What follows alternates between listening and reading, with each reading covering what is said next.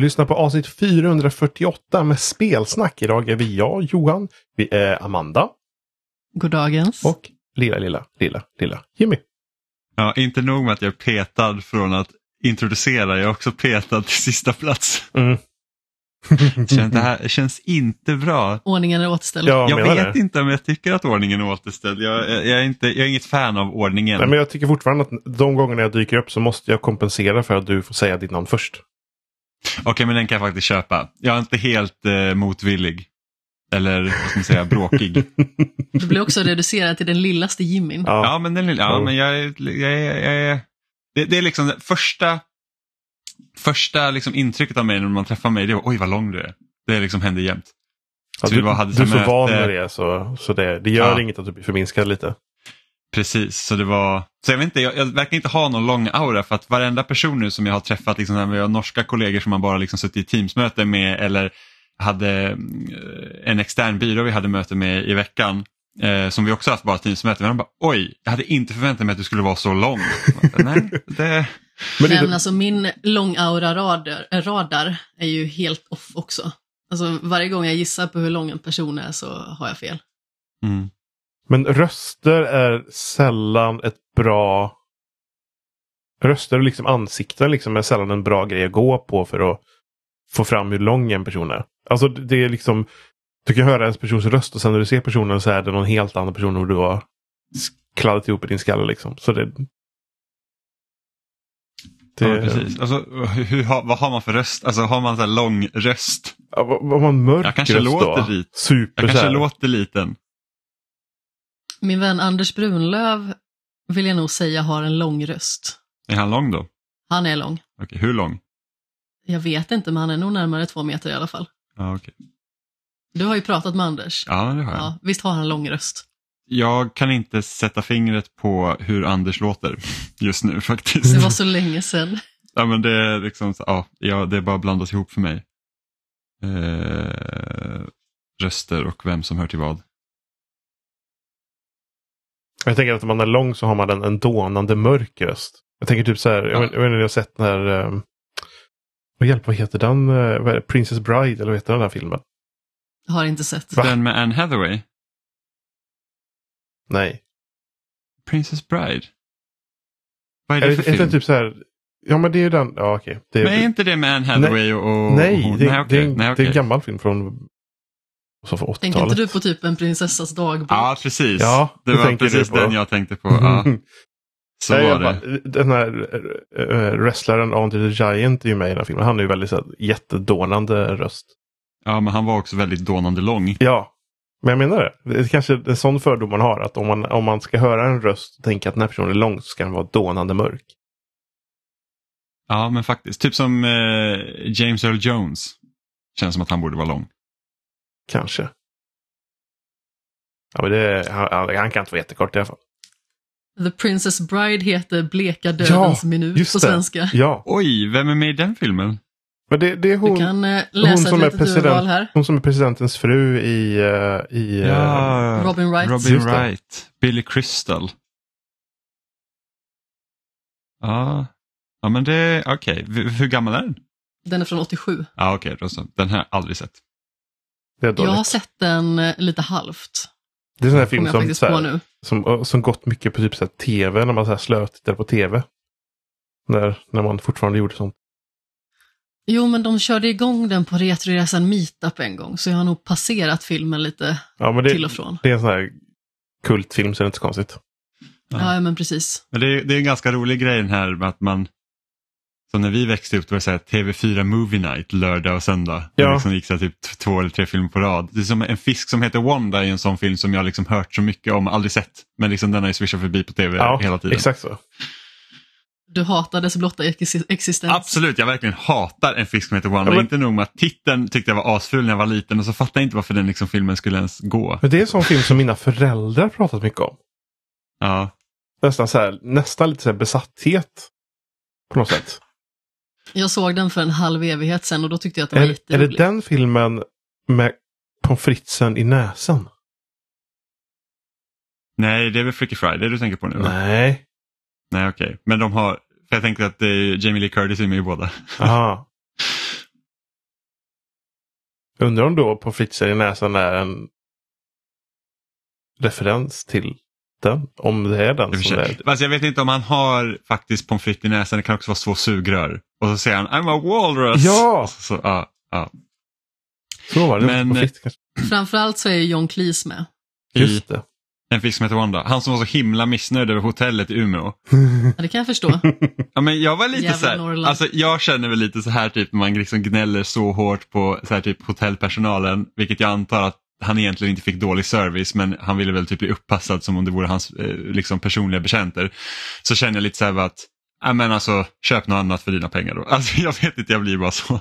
Det finns ju säkert jättegott om dålig så här, servicepersonal men för någon som har jobbat liksom i hotell och den branschen så är det liksom så här bara, att, men okej, hallå, chilla lite. Umeå, fortsätt vara Umeå. Ja, jag skojar bara, bara för att reta Stefan. Ja, men precis. Eh, Vilket inte är mer än rätt. Nej, faktiskt inte. Kan man reta Stefan så bör man reta Stefan, för Stefan är så himla mycket bra på saker. Mm, han att suger han på... behöver ha lite motgång någon Men, gång. ja, precis. Stefan suger på service. eh, men jag tänkte lite, vi, vi var inne på lite filmspår och så här. Vi fick faktiskt en fråga på Twitter förra veckan eh, av DJJC eh, som skriver så här. Har precis lyssnat på veckans avsnitt, bra som vanligt. Tackar, tackar. Ni pratar en del om tv-serier. Har ni kollat på Tecken och Cyberpunk-serierna på Netflix?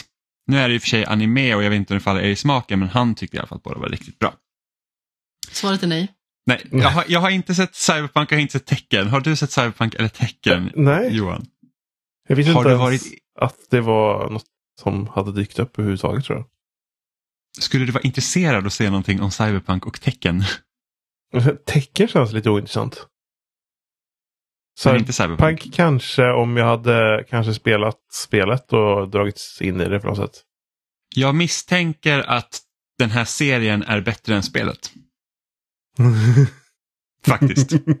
eh, men jag och Amanda, vi hade, vi hade i alla fall tänkt att i alla fall dra igenom Cyberpunk eh, innan idag. Den men, låter ju mest lockande. Ja, men vi har inte hunnit, även om tecken är lite mindre. Men det finns ju andra bra, och det, det är en grej med Netflix, att de har rätt så bra eh, Ja, rätt så bra. Vissa av deras liksom, tv-spel slash serier liksom, har fungerat väldigt bra och speciellt Castlevania och Arcane är egentligen de två som jag tänker först och främst som är baserade på spel som är riktigt, riktigt kanon.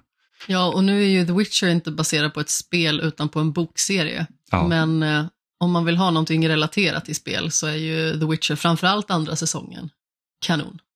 Ja, ja men precis. Det kommer ju en tredje snart också. Ja, i, det kommer en prequel-serie i december och sen så kommer säsong tre i, till sommaren nästa år. Det är väl ganska snart. Jag vet, ett halvår är väl inte jättesnart? Sommaren är väl inte om ett halvår. Jo, mer till och med. Ja, det är jättelångt kvar till sommaren.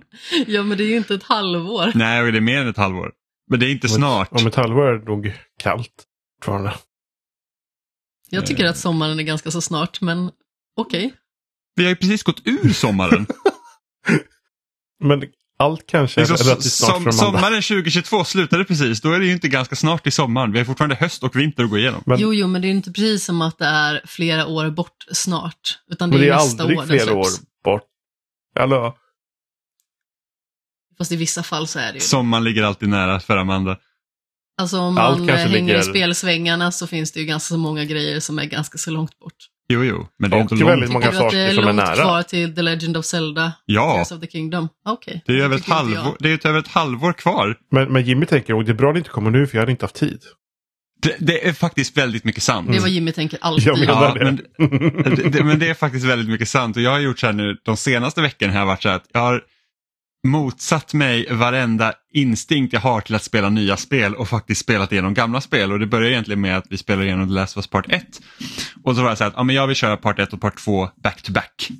Eh, och nu är jag klar med dem och sen börjar jag på God of War från 2018 för att jag vill liksom spela det en gång innan Ragnarök kommer. Så det är liksom att Då fick jag ändå övertala dig lite, vilket var märkligt. Jo, men det var ju bara för att jag var så här, ska jag verkligen lägga tid 30 timmar på God of War nu eller ska jag liksom spela någonting nytt? För att jag vill säga att Metal Hellsinger kom som jag vill spela, det liksom Game Pass, det, kom, det kommer nya spel hela tiden som jag vill liksom Dorf. Romantic och Let's Build a Zoo kommer nästa vecka och det är ju sådana spel som jag känner att jag kan förlora mig i och de kommer liksom dagarna efter varandra.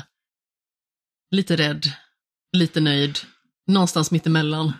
Ja men du ser det och sen så har vi haft massa intressekollar uppe nu också i redaktionen så då har det blivit så här att jag har typ skrivit upp mig på en massa spel där också. Så jag har liksom bokat upp mig för typ april och november redan. Nej, april och november, oktober och november. Jag vet inte var jag fick april från.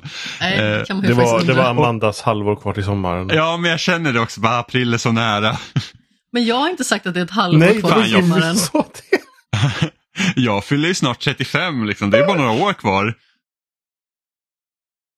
Alltid nära till hands. Jag tycker ändå att nästa år är inte så långt bort. Nej, nästa år är inte så långt bort, nästa sommar är långt bort. Ja, ja, men det kan man tycka, men du har fel. Men om vi går tillbaka till frågan, för det var ju en fråga om uh, Cyberpunk och Tekken-serien. Yes, Är man inte och så, ingen hade sett det. är man inte så bränd av alltså tv-spelsbaserade film, videosaker som man håller inte... Alltså jag letar inte efter det. Alltså det, det är inte som att jag liksom så här letar efter saker baserade på spel. Nästan när man var yngre så kanske det var liksom någonting man letade efter. Nu känner jag inte att jag har något sug av att kolla på saker baserade på spel. Men eh, jag hade däremot inte... Så, såg du Halo-tv-serien Johan? Ja, och Ja, den, det gjorde det väl? den, den gjorde mig väl inte mindre bränd. ja, men alltså, Nej men alltså, ja. Nej, men Johan det, började ryka. ja men den var ju verkligen så här, man var så här, ja men det var, den, den, var, ja. den var inte värdelös Nej. men det var ju liksom inte så här man bara, usch vad jag väntar till nästa säsong. och den, Den ju- försökte den, är ju- intressanta saker, men den den har misslyckades. bubblat länge och det här med att Steven Spielberg skulle vara producent var han väl och allt det här. Och, och så, Jag vet inte om, det, om han fortfarande var producent jag på kanske den inte ens längre. var. Men, men, De det var, ju- men, det var, 2013. men det var jag. ju sånt som bubblade i alla fall och fick det att liksom synas lite. Och så kom det och så var det bara, eh, Men jag tror typ att så här, när de gör det typ till animeserier eller liksom det här tecknat så tror jag det finns en större chans att det blir bra. Mm. Än när man alltid försöker live Absolut. action. Men, men Halo-serien är också ett bevis på hur bränd man är. Jo, jo men det är sant. Men alltså, ser du fram emot Last of Us-serien då? Ja, men där har vi där är ju grejen att där är ju HBO inblandat. Så då, Ja, då, det är hop- sant. då hoppas man på att det håller lite högre eh, grundnivå i alla fall. De har ju ändå någon form av kvalitetsstämpel Ja. kan man ju tycka. Sen om det liksom faller en i smaken, det är ju lite olika från serie till serie. Ja. Mm. Ja, nej, men det, jag är faktiskt väldigt spänd på att se The Last of Us. För det känns som att det är liksom jag ser att det är liksom den första riktiga så här, kvalitetssatsningen på en, en, eh, en serie som, som baserad på spel. Liksom, även om Halo, Microsoft har slängt massa pengar på Halo men de har ju försökt massa live action-projekt flera gånger och majoriteten har inte varit liksom speciellt bra som Forward Unto Dawn eller Nightfall. Sen Och... så vet inte jag riktigt hur påkostad Arcane är, men den ser ju påkostad ut. Ja, ja, de, och jag, lyssnade precis en podd med två stycken som varit med och gjort den serien och de hade liksom, alltså det var ju verkligen ett stort arbete med hur, som satan. hur de skulle liksom få karaktärerna att funka och hur liksom, Men var För det, det som var det Arcane- League of Legends? ja. Men Och det är, Arcane, är den vettig och ens, eller liksom, är det intressant att kolla på om man aldrig rört League of Ja. Legends? Absolut, vi har ju inte spelat det för fem någon jag- jag vet- jag- bryr oss inte. jag vet vad League of Legends är, jag har ingen aning om karaktärer eller liksom, Ja, ja. jag, jag har ingenting. Och det som var så fascinerande med, med Arcane var ju det att jag har inte känt ett sånt stort sug av att liksom fortsätta kolla på en serie sen jag såg första säsongen av Game of Thrones. För det var verkligen så att, alltså Game of Thrones när jag såg den, det var verkligen så bara, oh shit, liksom, gud vad bra den här serien är, jag måste, bara, jag måste ha allt. Liksom. Eh, och samma med Arcane, det blev verkligen så att, wow vilken grej. Och att de liksom lyckas balansera den andelen karaktärer som serien kretsar kring och du känner dig liksom aldrig förvirrad. Du blir jättesugen på att spela LOL och sen bara säga nej, det här går inte. Ja, Nej, men alltså, jag, har- jag har inte tiden för att liksom sätta mig in i League of Nej, Jag har tänker inte man, tiden för något. Ett Och sen jävla här har man- klickande också med sådana spel. Ja, och sen här har vi liksom folk som har spelat det här spelet i typ 15 år och så kommer man själv och så här, japp, nu ska vi lära oss. det, det funkar liksom inte. Eh, men så Arcane, alltså tycker man om bra serier så ska man liksom bara se Arcane. Den är så bra. 100 procent. Eh, och sen, och, och där kan man också titta på Netflix Castlevania-serie för där är det också att jag har inget, alltså jag har inte så koll på Castlevania, man vet typ en Alucard är från Symphony of the Night liksom och Dracula såklart. Eh, Nej, vem är det? men liksom inte någon annan koll på det och den serien är också kanon. Eh, jag tror det är fyra säsonger eller någonting sånt och den är liksom klar. Så att den borde man också titta på och det är därför jag liksom känner väl typ att både Tecken och Cyberpunk-serien som också är animer Mm. kan liksom finns en chans att de är bättre just för att det, det blir liksom inte den här ostiga live action grejen där man ser att så här, här har de sparat in på budgeten. Liksom. Det fanns ju vissa grejer i Halo-serien typ så här utzoomat och så såg man så här eliter på håll och man sa att det där ser inte bra ut. Ja, nej. Så Det, och det, det är ju risken när det blir så mycket CGI att det är så att har man inte lagt tillräckligt mycket krut på budgeten inom det området så kommer liksom, det kommer se gammalt ut rätt så fort. men det är så Alltså, titta farligt till- med produktionsbolag som Ja, som HBO till exempel med som med Game of Thrones liksom. Och de hade väl sagt att de skulle dra ner på de skulle spara in på hur mycket de la på varje avsnitt. Men det var typ fortfarande mer än vad de la på ett Game of Thrones avsnitt. Liksom. Ja, Och det, va? ja. Alltså, Sinnessjuka inte- pengar. De här stora bolagen har ju så mycket pengar. Så det, Ja, men det är, det är typ, ja men det är som här um, Rings of Power på Amazon som Mm. ska liksom vara den dyraste tv-serien som någonsin liksom gjorts. Och det är typ så här, bara, oj floppar den här serien så är det inte säkert att Amazon liksom kommer ha kvar någon så här typ serieproduktion överhuvudtaget för de har lagt så mycket pengar på den. Trots att Amazon är de liksom, Och den är ju bitvis så våldsamt snygg. Och sen så kommer de här typ varggrisarna och man bara, vad är det här? ja, Ja. de, det, det, har, det har egentligen inget att göra med egentligen att, att CGI är dålig, det är bara det att den, den art direction de har valt för vargarna är jättefula. Det känns som en kombination ändå. Ja, Alltså, vild- just det där, det, det vildsvin- vildsvin ser och varg, konstigt ut. Ja. Men då, då måste jag fråga dig Johan, har du sett She-Hulk? ja. Ja, det är ju en serie som förmodligen inte kommer åldras bra för att jag tycker inte att, Alltså den är ful redan nu. ja, ja precis, jag tycker att liksom She-Hulks modell liksom ser alltså billig ut. Så Ja. Den ser B ut. Ja, det, är- man, man ser liksom att det, det känns, alltså om man jämför till exempel med Hulken, typ i Avengers-filmerna, så Mm. känns det inte som att oj, där har vi en CGI-gubbe som går bredvid Tony Stark till exempel, utan det känns som att där, där är Hulken. Medan med She-Hulk då känns det verkligen som att det där är en datorkaraktär. Sett, Alltså, Just det- när det gäller She-Hulk så blir jag lite trött också för att man känner så här att, ja men visst, She-Hulk ser ut på ett visst sätt i alltså, serietidningsvärlden och sådär.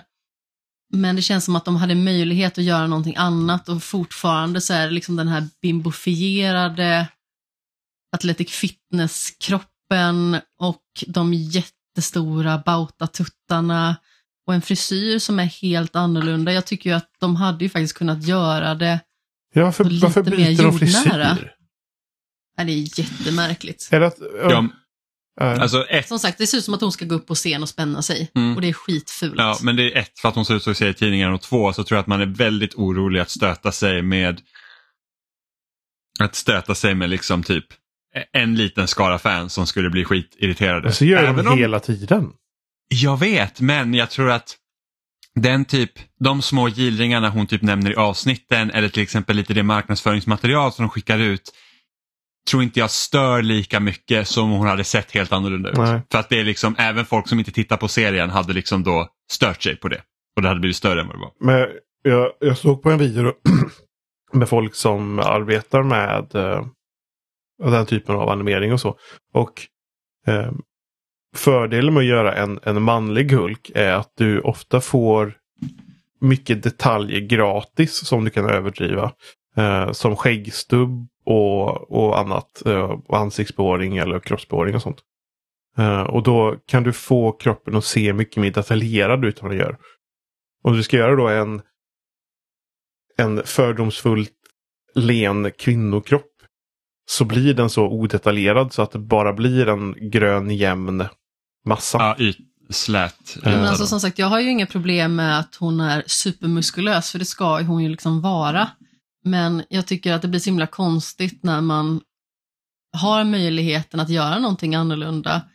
Och istället för att lite grann gå ifrån serietidningen så väljer man att gå på den här ganska översexualiserade bilden. Jag tycker att det bara blir fånigt. Ja, men det, ja, jag, tror, jag tror att de inte har vågat helt enkelt. Men så det spelar ingen roll, jag tycker att det är dåligt ändå. Ja, ja, det får man ju tycka. Men, jag- men jag, jag misstänker att de inte har vågat. För att alltså, tittar man typ på manus och sånt så finns det ju ändå en viss nerv i den. Att liksom belysa och försöka påpeka liksom, eh, orättvisor och lite sånt. Så det är synd att de liksom inte liksom vågade heller då designa karaktären så att hon inte skulle liksom se ut då som en, som en fitness bikinibrud från 80-talet. Nej, men det känns som att det är lite förlegat helt enkelt. Och Eh, Eh, som sagt, jag är ju 100% för vältränade kvinnor kan man ju säga. Som sagt, eh, jag, jag, tycker ju Abby är ju ett bevis på liksom att, eh, att det är ett känsligt ämne, uppenbarligen. Det här med att kvinnor har muskler och sådär. Och det finns ju en allmän bild från tjejer fortfarande idag, liksom att om du tränar styrketräning så blir du bullig, du får bulliga muskler, det är det man inte vill ha. Därför tränar man kondition istället, bara. Eh, och eh, det blir ju lite fånigt för att det är inte så det fungerar. Eh, för att få så att säga bulliga muskler så krävs det ganska så mycket mer än att alltså, bara lyfta några hantlar. Liksom. Eh, och jag, jag, tycker ju att just den här alltså muskelaspekten, liksom att hon blir stor, She-Hulk, alltså, det är ju naturligt. Det är precis som att den vanliga Hulken blir större och liksom mer brutal.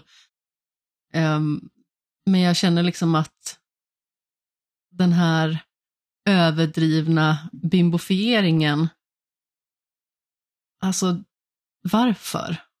Det är ju en karaktär i grunden också som är väldigt, alltså känns ändå ganska så jordnära. Jag menar det är ju en advokat som eh, har både starka åsikter och eh, ganska så långtgående tankebanor och sådär. Så jag tycker att det hade ju gärna kunnat få reflektera henne lite mer när hon faktiskt är i sin gröna form så att säga. Mm. Och, det, och det är rätt så vanligt att man gör liksom inte kvinnliga karaktärer så att de får eh, liksom muskelbyggare. Så Abby är ett, ett undantag och sen till exempel tar vi Sarja från Overwatch som också är liksom en kroppsbyggare jämfört med liksom många hur, hur karaktärsmodellen ofta ser ut i Overwatch. Ja men precis.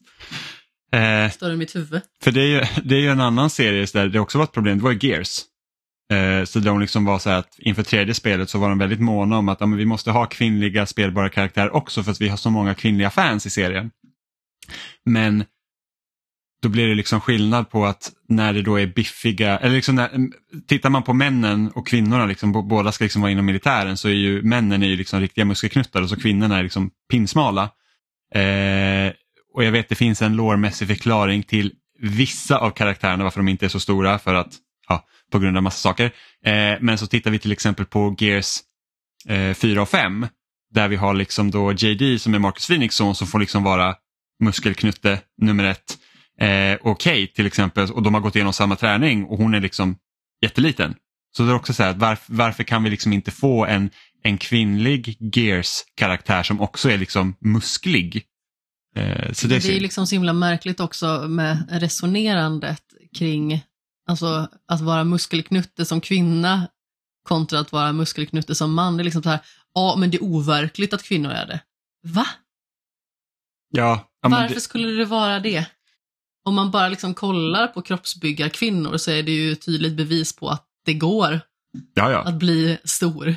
Ja, ja, och det var ju typ det var en grej liksom kring diskursen med Abby. Det var ju det att oj, det är overkligt. Man var så här, det är overkligt att du ska ha liksom en stark kvinna i, i den här världen där det fakt ärligt talat finns typ myrzombies som typ käkar upp folk. Ja, men det finns för lite mat. Det finns för lite mat för att hon ska vara så biffig. Vilket är helt, också helt otroligt för att hade Joel varit lika biffig och Joel är rätt så biffig i de spelen ändå eh, så hade ingen brytt sig. Och sen så när, när man spelar, har du spelat Last of Us 2 förresten Johan? Ja. Mm. Så när du spelar som Abby då får du gå igenom hela liksom, deras träningscamp och hur de liksom resonerar med mat och allting. De bor på en så militärbas. Att, så att de bygger liksom upp hur det funkar liksom för alla. Så lite eh, mat Jimmy. Ja, så att det liksom, de har ju en hel jävla farm där inne. Men det är ju roligt också för att de har förmodligen inte så dåligt med mat. Om vi tar till exempel eh, Ellie så säger hon ju det till Dina när de är på väg till Seattle tror jag, liksom att, eller när de är där kanske det är, att hon var så överväldigad över hur mycket mat det fanns i till exempel Jackson i relation till eh, vad de hade stött på tidigare. Så hon hade ju liksom så här bara proppat i sig och så här gömt mat i fickorna och grejer. Mm. Men, det är inte helt omöjligt att de hade mycket bättre ransoner till exempel i Seattle också. Ja, men de har ju liksom byggt upp samhällen igen. Det är det, Jackson är ju liksom en liten stad där mm. de har liksom fungerande vad ska man säga, näringsliv. De liksom har ju liksom gårdar, de, de odlar egen mat och fixar, som, som vi har gjort tidigare också. Eh, det enda är att de har ju inte den här industriella biten där man liksom kanske har mat i överflöd. Eh, Och sen så ser man ju också Abby när hon är lite yngre och visst hon är ju fortfarande hyfsat muskulös men det är inte alls på långa vägar som hon är när hon faktiskt har tränat upp sig och växt till sig på ett gäng år. nej men precis, så är det ju. Eh, så att Och det är för att hon har bott på en militärbas, Ja. för guds skull. så mer, mer muskelkvinnor Ja tack. Eh, Men apropå kvinnliga karaktärer så hände det ju, förra veckan när vi precis satt och spelade in så började det liksom komma ut massa här att, att någon hade hackat in sig på Rockstar server eller någonting sånt och fått liksom tillgång till hur mycket material som helst eh, från kommande GTA 6 då. Och där egentligen kan säga två rykten eh, besannades. Säger man så? Två rykten besannades. Eller ja, två rykten visar sig stämma i alla fall och det är det att spelet kommer utspela sig i Vice City. Eh, och säkert de kringliggande delar då i Florida. För jag, jag tror inte liksom att, precis som i GTA 5 så att där du inte bara är i Los Santos utan du får ju liksom vara i, i markerna kring det också. Så kommer man säkert i Vice City kommer man säkert liksom, ja, Miami plus eh, utomstående områden. Och sen så är det också då förmodligen att det kommer vara två karaktärer som står i fokus, det vill säga en kvinnlig och en manlig karaktär. Eh, och det är det här liksom hela Bonnie and Clyde-biten. Eh, Som, som, det spekulerats i tidigare. som har spekulerats i tidigare så kommer förmodligen besannas. Jag vet inte jag, det kanske finns fler karaktärer. Jag vet inte, men eh, eftersom GTA 5 hade tre. Men så ser det ut i alla fall. Och då undrar jag liksom bara Johan, har du spelat Vice City? Inte spelat ordentligt tror jag. Jo, jag har nog säkert spelat en bit in i det ordentligt. Men sen har jag nog bara ett yngre jag bara flummat runt i spelet. Och skjutit folk. Ehm, så hur känner du för att återvända till Vice City? nej men det är väl vettigt.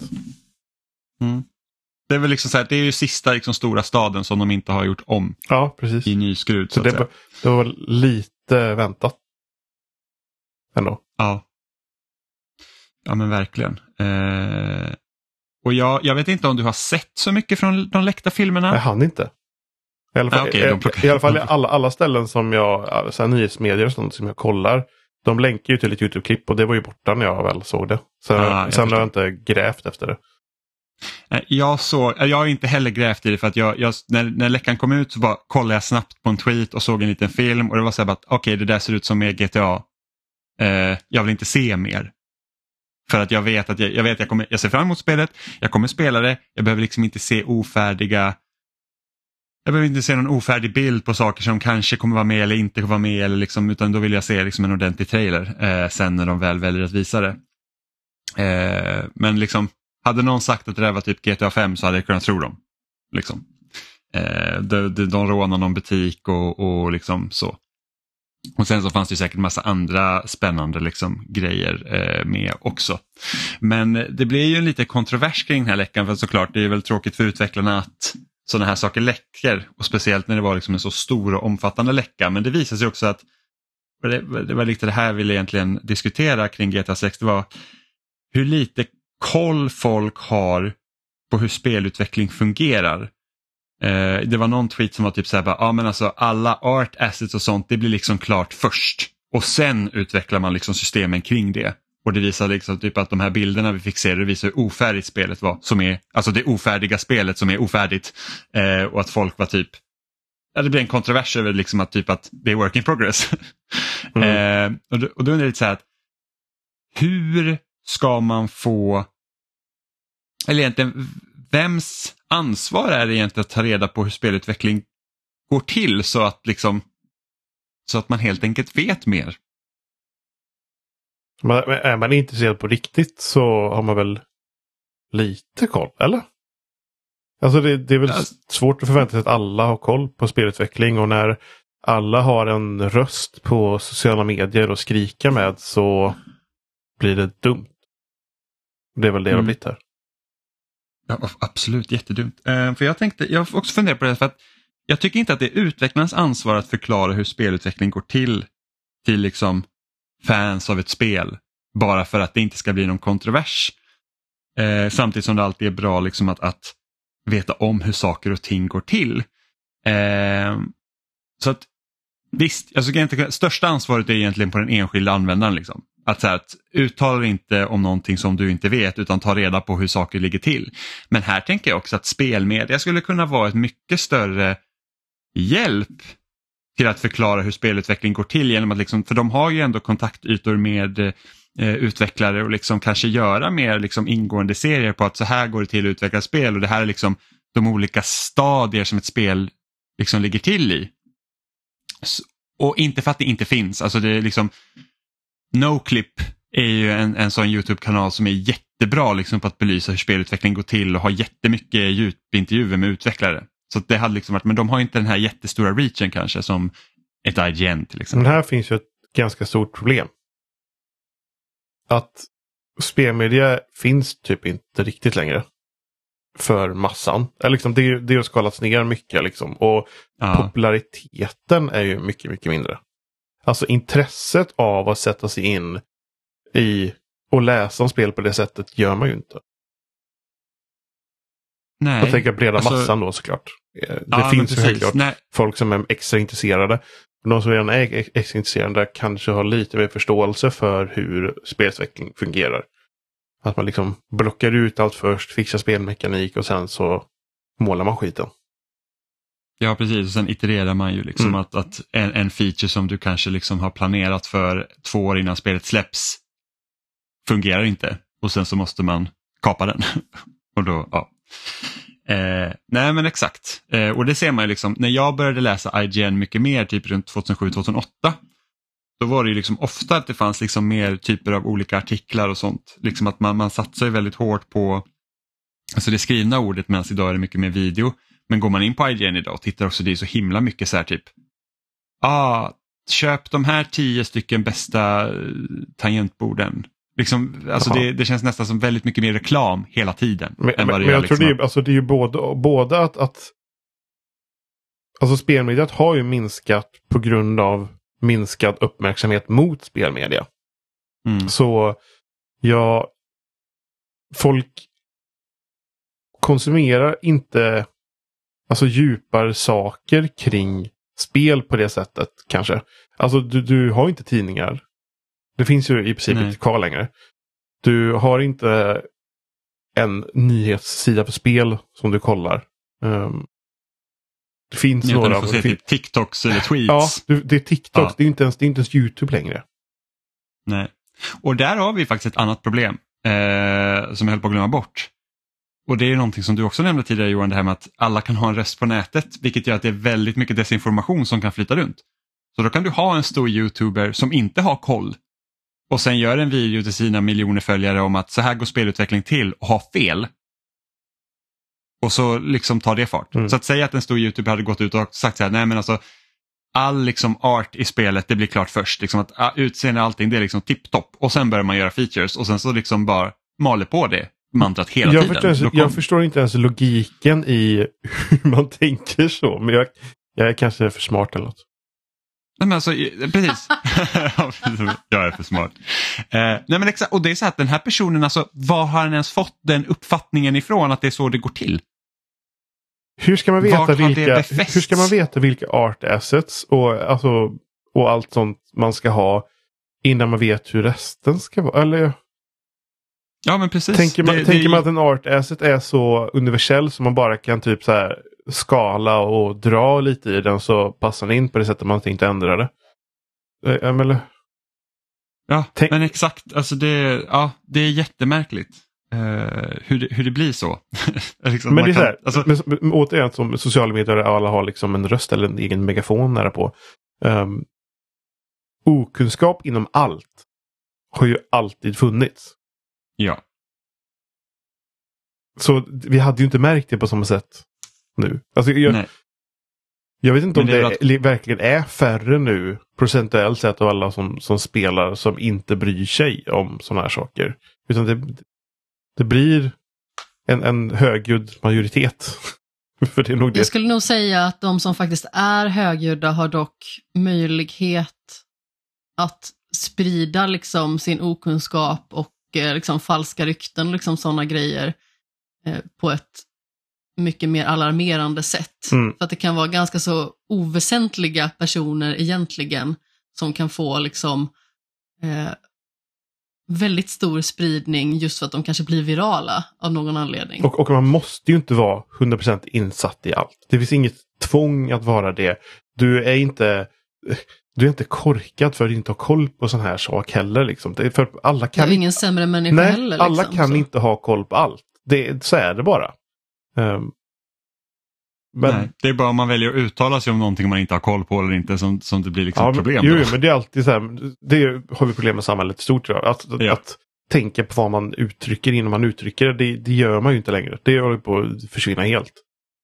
Nej, alltså jag har ju en, en, en, en Facebook-vän då eh, som, som jag såg, alltså det här är en riktig mupp, eh, som helt tror inte på liksom att, att, att människan påverkar klimatförändringar för att han har läst en studie, eller studie inom citattecken, som liksom motsätter sig att, att det här som händer är normalt.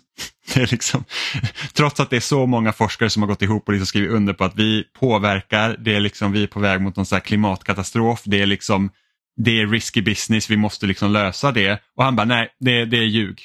Det, är liksom, det stämmer inte. Det är för att det här har vi någon annan forskare som säger emot det. Och det är så att det blir så himla skevt. Och också det här med att vad finns det att förlora på om vi satsar på att få ett klimatvänligare liksom, industri? Vi skapar massa nya jobb, vi får en renare planet, flera sjukdomar försvinner. Men i och med att information är så himla tillgänglig också så blir det att människor som har en idé om någonting de söker sig ofta till andra som har samma idé och i slutändan så söker de också information som bekräftar deras egna idéer. Så det blir ju att de här människorna exponeras ju oftast inte för nya saker som kan säga emot dem för att det förstör ju deras världsbild helt enkelt. Mm. Eh, och förr i tiden när vi inte hade internet då var det kanske lite mer att det var skvaller på byn i stort sett. Mm. Och nu Mm. är det kanske skvaller på TikTok och det har möjlighet att nå liksom miljontals personer snarare än de liksom 30 kanske som var i ens omnejd. Så det blir liksom en helt annan magnitud idag om man liksom får sin röst hörd. Det är väl det kanske som blir ett stort problem. Mm. Och vi kan också liksom anamma idéer från andra länder på ett helt annat sätt. Liksom. Jag vet att Precis. Inför till exempel amerikanska valet och sånt så har det ju varit så liksom helt plötsligt så lyfts delar därifrån in till vår diskussion och det är så att våra samhällssystem är ju inte ens likadana. Och då blir det så himla konstigt att tro att vi liksom har någon form av parallell liksom till att vara typ exakt samma fast vi Precis. inte är det. Vi har liksom inte samma typer av problem även om vi kan ha samma problem inom vissa områden men det, ja. Sen är ju den överväldigande informationen inte heller bara negativ utan just internet har ju öppnat upp väldigt mycket för att vi kan få lära oss så himla mycket mer, vi kan få se så himla mycket mer så det är inte bara ett problem. Men eh, det finns ju liksom ställen där det blir ett problem. Och det är som jag har pratat om ganska många gånger med bekanta och sådär att eh, sådana här extrema grupper till exempel på nätet, de blir ju oftast mer extrema just på grund av att man anammar en idé och det bara repeteras om och om igen. Vilket gör liksom att det blir deras värld. Mm. Och om en person som kanske är lite lättpåverkad för att det kanske är ett tillfälle där personen är extra känslig eller dylikt. Det kan vara också att man inte är extremt lättpåverkad. Då kommer liksom en sån miljö, om man råkar slinka in i den, bli väldigt effektfull. Just bara för att då matas man med den informationen konstant. Mm. Och då är det det som sätter sig. Och då tänker man liksom att de här idéerna, de, eh, de är nog något att ha. Sen så är de kanske inte det. Men det kanske är liksom att uppfattningen blir det. Mm. Just på grund av att då har man matats med det så länge. Mm. Ja, men det är typ bara om man ser så här kartläggning på incels. Mm. Och hur, liksom, hur snabbt extremt det blir och liksom vilken Alltså vilka egentligen drastiska åsikter de har om, om kvinnor eller liksom, och, och liksom att det här är vad jag förtjänar. Och, och liksom sätter det... Berättigandet. Ja, precis. Och, liksom, och att det liksom övergår snabbt till att bli liksom livsfarligt. Mer än att det här är bara en åsikt eller att jag, jag tycker synd om mig själv. Så blir det helt plötsligt att oj, jag kan ta aktion och jag kan liksom... Man blir farlig för samhället helt enkelt. Vilket är jätteobehagligt. För att det är många sådana som triggar varandra Ja. liksom, till att eh, begå illdåd till exempel. Ja men precis, så blir det så att ja, men om, om, om inte kvinnor vill ha mig då ska de våldtas och mördas. Liksom. Så det, ja, det, det är väldigt obehagligt. Eh, men sen finns det en annan del i det här också med att liksom, hur ska vi då nå ut till folk, liksom, hur spelutveckling går till. Eh, och där är det också viktigt att spelutvecklare inte liksom hånar spelmedia när det väl försöker. Så att jag vet att ett exempel var när Horizon eh, Zero Dawn kom ut och sen några månader senare så hade Kotaku en artikel om att säga att oj, eh, när du tittar med kameran åt ett visst håll med Aloy så är det bara den delen av liksom, spelet som, är, som byggs upp medan allt bakom det är borta. Utan det lagras liksom i minnet och sen så tas det upp när du svänger runt.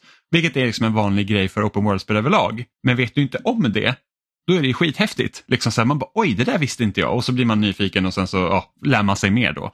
Och då var det jättemånga utvecklare, alltså samma utvecklare nu som eh, som till exempel säger så här att ja, men folk måste veta mer om spelutveckling. Men då, var, då hånar de här artikeln och bara ah, Kotaku kan ingenting och det här är ju skitvanligt och bla bla. Men liksom Men om man inte vet, om man inte är insatt i processen. Nej, men också så här att artiklar beskrivs ju inte för artikelförfattarens skull. Utan det blir ju för ens läsare.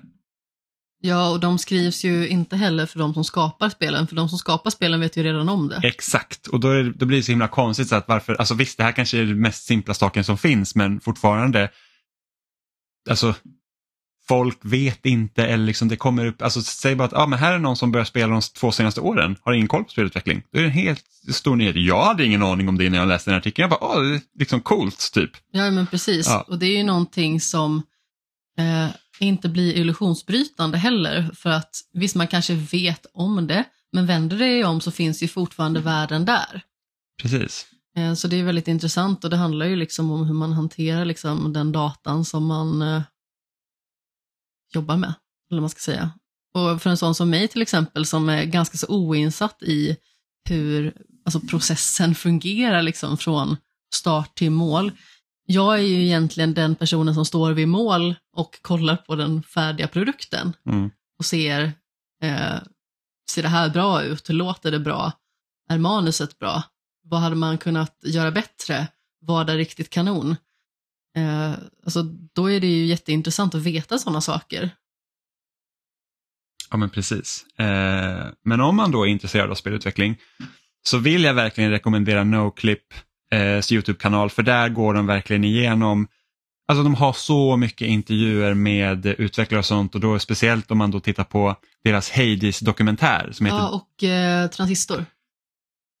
Eh, ja, ja, men precis. De, de har gjort väldigt mycket med liksom hela studien, men de har en hel serie om Hades som de spelade in under tiden som spelet utvecklades. Eh, och där får man liksom se hela processen och, och nu har de gör de något liknande med Heart Machines nästa spel. Och sen vill jag också slå ett slag för Double Fine Productions Mhm, eh, jag dokumentär. Tänkte just på den. Ja, eh, och som heter Dub jag tror den bara heter Double Fine Adventure eller någonting sånt som handlar om utvecklingen av eh, Broken Age. Är det den som står i vår hylla? Jag Jajamän. får snekla väldigt mycket då. Ja, jag köpte den på Blu-ray för att jag såg den, och det här måste ju vara 2012 eller någonting sånt. Eh, Förlåt att jag pep, jag höll på att tappa telefonen. eh, de- den, är, den är faktiskt väldigt mysig så att eh, det finns gott om. Eh, och Sen tror jag också att Noclip har en annan YouTube-kanal som heter Noclip Crew där de nu ska, också ska försöka utveckla ett eget spel och så är det en av dem som är med i teamet då, som håller på liksom att testa och dra fram lite olika saker. Så, så att där, där kan man också se någon som lär sig eh, om spelutveckling samtidigt. Ja, men precis. Jag var ju med och gästade en podd som heter Nytt Spel Plus och pratade enkomt om eh, transistor. Sen så svävar jag naturligtvis iväg i vanlig ordning. Men inför den så kollade jag på den dokumentären. Mm. Och eh, den var väldigt bra och väldigt spännande. Och där ser man liksom också hur eh, vissa karaktärer kommer upp, eh, hur den konstnärliga processen går till kring dem. Och det är kanske sånt som jag är mer intresserad av i och med att jag kanske är mer konstnärligt lagd när det gäller liksom sådana här grejer. Ehm, så det tyckte jag var väldigt fascinerande att se faktiskt hur det kanske inte finns en solklar vision ända från början. Det kanske inte är just Ellie och Joel som man har tänkt från början, utan det kanske är två helt andra personer, bara det att man har jobbat sig fram till de här specifika tu. Ja, jag tror du skulle fortsätta. Det var verkligen så här. Det var en punkt Ja, okej, det var verkligen så här. Dut, dut, och sen så bara, ja, okej. Eh, nej, men, men det finns, som sagt, det finns jättemycket eh, material att tillgå om man så vill. Man får bara kanske gräva lite. Helt enkelt. Men Amanda, du hade ju spelat lite Fall Guys här i veckan. Jajamän, det har jag. Ja, för att det har kommit en ny säsong. Precis. Så hur låter omdömet om, eh, vad kallar de det, Space Race? Ja, Ja. Det är rymdtema den här gången i alla fall. Ja, det gläder ju mig väldigt mycket. Jag älskar ju rymden, tycker det är skitspännande och jag kan inte så jättemycket om rymden, men eh, jag finner mig ganska så ofta i situationen att jag sitter och tänker på rymden och så får jag ont i huvudet för att den är så stor. Och man får liksom inte plats med all information. Men som sagt, det är eh, ny säsong och eh, vi kunde ju betala för säsongen med eh, in-game-valutan, vilket var väldigt praktiskt. Som vi tjänade ihop under förra Battle Passet. Precis, vi maximerade ju hela förra säsongen och eh, den här gången så är det ju dessutom 200 nivåer istället för, var det 100? Visst var det det? Ja, det var det. 100 i förra säsongen, ja. Mm. Precis. Så nu har de dubblerat det hela, men de har också eh, gjort om eh, uppgraderingssystemet lite grann. Så får, man får ganska så mycket mer i belöning, men vägen till nästa nivå är också längre, så det är Ja. fortfarande liksom Det tar längre tid att levla upp nu än vad det gjorde förra säsongen. Ja, fast ändå är det ju rätt så proportionerligt för att du får också mer belöning. Jo, fast det tar ändå längre tid. De har gjort det tar, tar längre För tid. dig kanske. Ja, men det tar längre tid. Alltså förut, gjorde du dailies eh, förut så kanske kunde gå upp 5-6 nivåer. Nu täcker det ungefär dailies en och en halv kanske. Ja, men det är kanske för att det ska vara lite mer hållbart också. Ja, Så för att du ska spela mer och hoppa in i, i deras butik hela tiden. Jo, men jag tycker att det är ganska så skönt att det inte gick så fort som det gjorde på den förra säsongen. För helt plötsligt, vips, så var jag på 100 och så kände jag mig lite ledsen. Ja, asnice. Nu känns det som ett jobb. Jag tycker inte det känns som ett jobb. Jag tycker det. att det är jag, jag blir så avtaggad. Jag var så här att åh, nu måste jag spela mer Fall Guys även kanske jag inte ska ha lust. Men spela med mig när jag spelar då. Jo, men jag kanske inte har lust att spela Fall Guys och sen blir jag avtaggad för att jag vet att det Jag kommer ta ger så ju dig tid. lite draghjälp här. Jo, men det kommer ta tid. Jag vill inte ha ett eh, deltidsjobb för att spela Fall Guys för att nå Men det är inte deltidsjobb, det är bara det att du kommer kunna spela det under en längre period och det tycker jag är rätt så skönt för att sist så blev det att, oh, nu går det fort för mig här och så levlade jag upp skitmycket och så spelade jag hur mycket som helst och helt plötsligt så var jag i mål och sen så har jag liksom inte spelat Fall Guys nästan Nej, någonting efter det. asskönt. Då kan man spela Men andra jag tyckte spel. inte att det var skönt för jag gillar spel? att värma upp med Hatar Fall Guys. Hatar Battle. Du värmer aldrig upp med Fall Guys. Det Fall, jag Fall Guys är det beständiga spelet. Nej, det stämmer inte. Jo, det är så här, ska vi värma upp med Fall Guys? Man bara, okej, det här blir en kväll med Fall Guys. Hade det varit så att Fall Guys var det enda jag spelade så hade jag inte bara spelat typ 340-350 timmar. Ja, fast det är mycket det du spelar just nu i alla fall. Jag spelar varierat, okej? Ja, Fall Guys.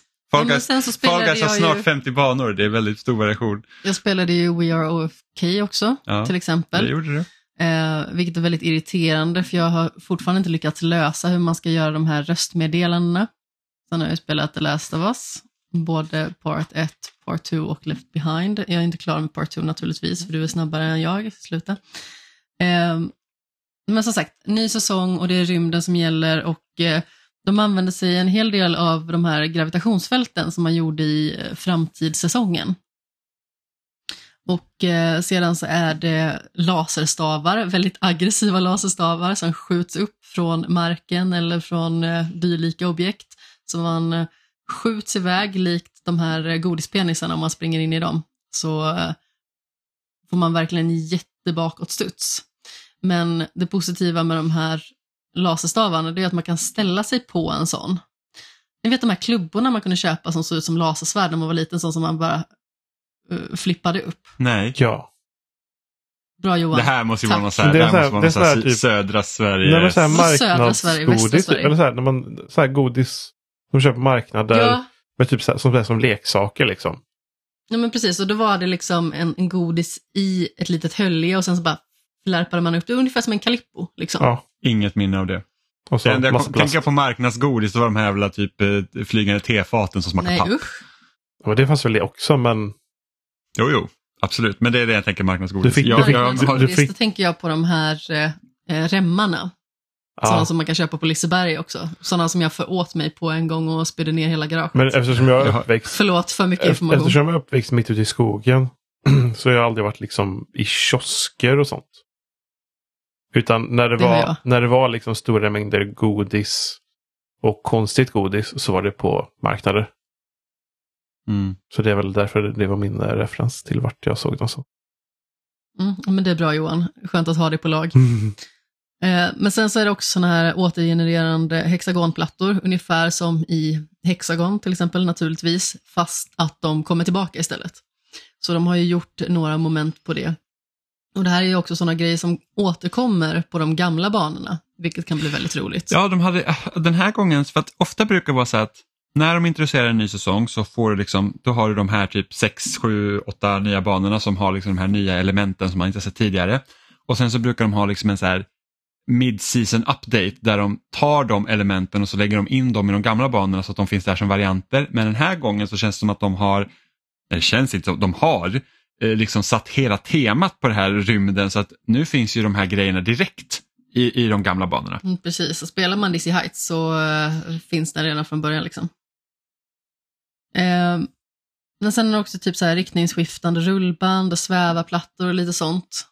Eh, så man märker ju liksom att de har eh, fokuserat ganska så mycket på det här temat och försöker göra det liksom så övergripligt som möjligt.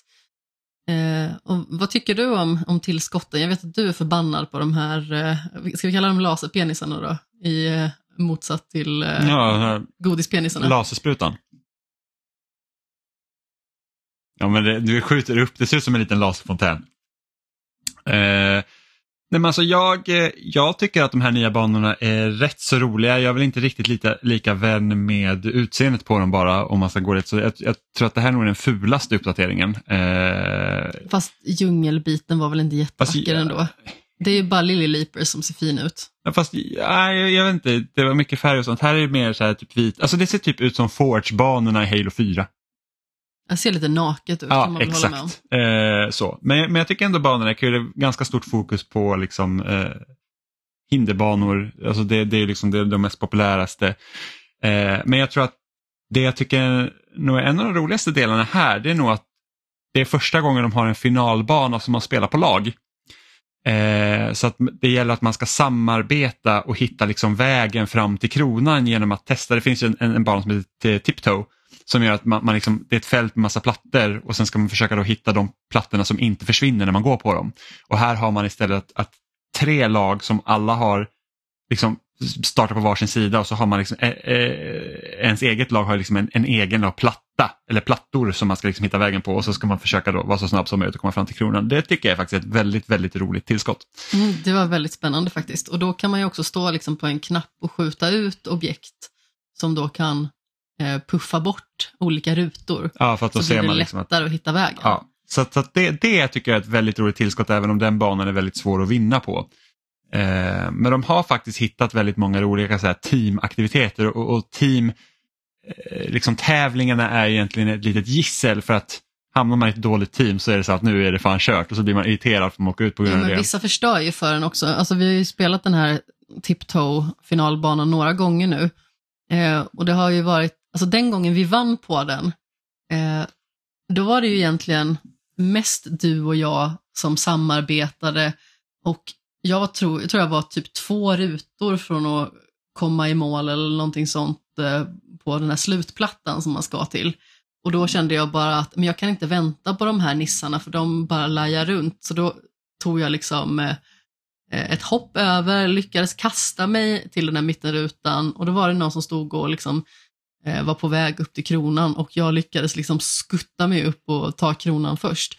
Men de var ju liksom alltså bara irriga höns. Men sen så finns det ju sådana som håller i en också och det blir ju liksom spelförstörande för att då känner man att man litar ju liksom inte på laget.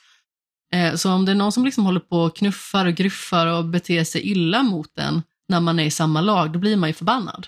Mm, ja, Men jag blir irriterad i alla fall. Jo, men så, så är det ju. Och liksom, det, är- det, det är ju lite av en del av skärmen i spelet. Ja, fast samtidigt, vi är i samma lag. Jo, och jo, då men- känner jag bara så här att eh, jag har förlikat mig med att folk liksom tar tag i en. Jag vet att det är en del av spelet. Jag gillar det inte för att fasen vad förbannad jag blir när någon liksom håller i en när man ska hoppa in på typ en sista plattform eller någonting. Jag vill bara liksom strypa den personen som sitter där på andra sidan. Jo, men så är det. Alltså, man, förstör mitt liv, man, känner jag bara just man, kan inte välja si, man kan inte välja sina lagkamrater när man spelar random. det är Nej, som när jag men- spelar alltså- Splatoon och man säger att okej, nu, nu spelar ju laget bara dumt. Men vad ska jag göra åt det? Jo, men jag förstår ju alltså de som spelar mot en, som tar tag i en så att man trillar ut för en avsats. För att om jag hade velat vara mer jävlig och fokusera på andra snarare än mig själv, då hade jag ju kunnat vara den som gör så också. Men att man står på en platta och de tycker att du går för långsamt så att de puttar ut den för att man liksom ska då blotta ifall det är en falsk ruta eller inte. Bara hoppa själv ditt med här. Ja, ja men så, så är det. Men det, det, det, det, det är ju lite en del av charmen. Liksom. Man Jag kan, tycker inte, just den biten tycker jag definitivt inte är charmig. Den gör mig fortfarande förbannad. mm, så när Amanda utbrister när hon spelar Far så det här är spelförstörande! När hon typ, jag vet inte om det var typ något hack i nätet eller någonting sånt en gång. Hon bara, det där. Ja, så det är lite roligt. Men Johan, har du spelat Fall Guys någon gång? Nej. Nu- Gör det. För nu är det free to play. Nu har du all möjlighet till att spela det. Och sen är du På- fast för evigt. På, alltså på alla plattformar. Är det crossplay också Alla. då? Eller? Ja, där. Korrekt. Ja, så får att väl, eh, om du vill vara med och spela får någon gång. testa i alla fall. Visst. Ja, Finns på alla plattformar. ja, eh, ja, det är PC, Switch. eh, Switch, eh, PlayStation, Playstation, Xbox. Xbox. Jag vet inte om det finns typ på mobil. Google Stadia. Jag vet inte om Fall Guys finns på Stadia faktiskt. Eh, Men eh, och jag tror inte det finns på mobil än. Jag vet inte om det är, Jag har någon, ingen koll heller. om det är planerat att komma men, eh, Men de mest vedertagna ställena finns det på i Ja. alla fall. men det får det får du vara med på Johan, det är riktigt kul. Vi, har, för- vi försöker ju få folk att spela Fall Guys med oss men det är svårt. Det är ingen som vill vara med. Eh, Jo, Stefan. Ja, men han blev förälder och sen var det kört. Eh, men hur, hur, är, hur är det Johan nu? nu? Nu har du varit pappa i Två år snart. Ja. två år snart. Hur, har, hur går liksom, hur känns det nu liksom för att hitta tid till att till exempel spela? Liksom när, när barnet blir äldre. Förlåt liksom. att jag svarade åt dig Johan. Ja, det är bra. Som att du inte visste det Amanda själv. har koll. Ja, men det är väl bra att du har koll Amanda. Um, hitta tid. Äh, Det är när hon sover. Så, och nu sover hon ju snart inte på dagen längre. Så det är ju på kvällen. Mm. Och en, Och en bra kväll så får jag henne att sova klockan nio. Så går jag lägger mig elva eller tolv beroende på dagen efter. Så får jag några timmar att spela i alla fall. Mm. Och vad, vad, vad är det som du brukar spela när du får tid till nu då? Ja. ehm, jag har börjat spela Wolfenstein-spelen igen. Eh, Machine Games Wolfenstein. Ja. Ja. Så jag håller på... Börjar du från början då? Ja, så jag håller på att ta igenom det första nu. Eh, och eftersom Evelina spelar ganska mycket på Xboxen då så är det ganska bra för då kan jag sitta vid datorn.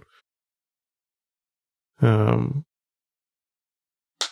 så det, det är ett passande datorspel. Och det, det är tillräckligt gammalt för att det ska funka bra på min gamla dator också. Ja, ja, men det är en fördel. Jag körde igång um, Deathloop nu. Och det, Ja. Det funkar inte tillräckligt bra på min dator. Åh nej. jag fick sänka grafiken så mycket så det var liksom bara nej, ja, det här känner jag att det är inte värt det. Mm, det här är bara Så trekanten. jag får vänta på att få tillfälle att spela på, på Xboxen istället tror jag. Mm. Ja, men det finns ju på Game Pass där också. Ja. Det släpptes ju nu i förra veckan. Så det, men det verkar, det verkar spännande också. Men ja, men ja men Wolfen håller på att spela igen nu. Det är ganska trevligt nu efter valet att få döda lite nazister. det är aldrig fel att eh, slå ihjäl lite nazister Mm. i sina tv-spel. Det är trevligt. Eh, jag tror det var så att, kan det ha varit, uh, jag tror det här Machingens första Wolfenstein, att det var, det har inte varit ute så länge.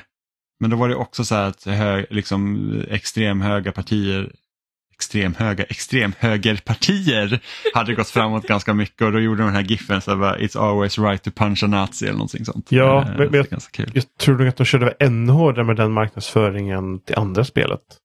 Ja, det är mycket För möjligt. då, då visste Eh. ju folk också vad för spel det kommer att bli lite baserat på vad, vad ettan var.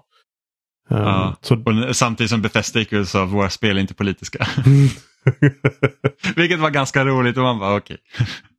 Vi livepoddade faktiskt precis när det spelet släpptes. Om det spelet. På science fiction-bokhandeln i Göteborg. Det var roligt. Då hade vi en expert med oss. Eh, dessutom. Expert på vad? Inte en, exper inte Ja, en va- va- va- expert nazist utan nej, nej, en vad- som var liksom expert har jag för mig på eh, typ andra världskriget Ah, okej. och eh, dylikt. Jag Jag- kommer inte ihåg exakt nej, men- hennes expertis. Så eh, men hon var en expert. arga kottar. Hon var en expert på vad? Ingen vet.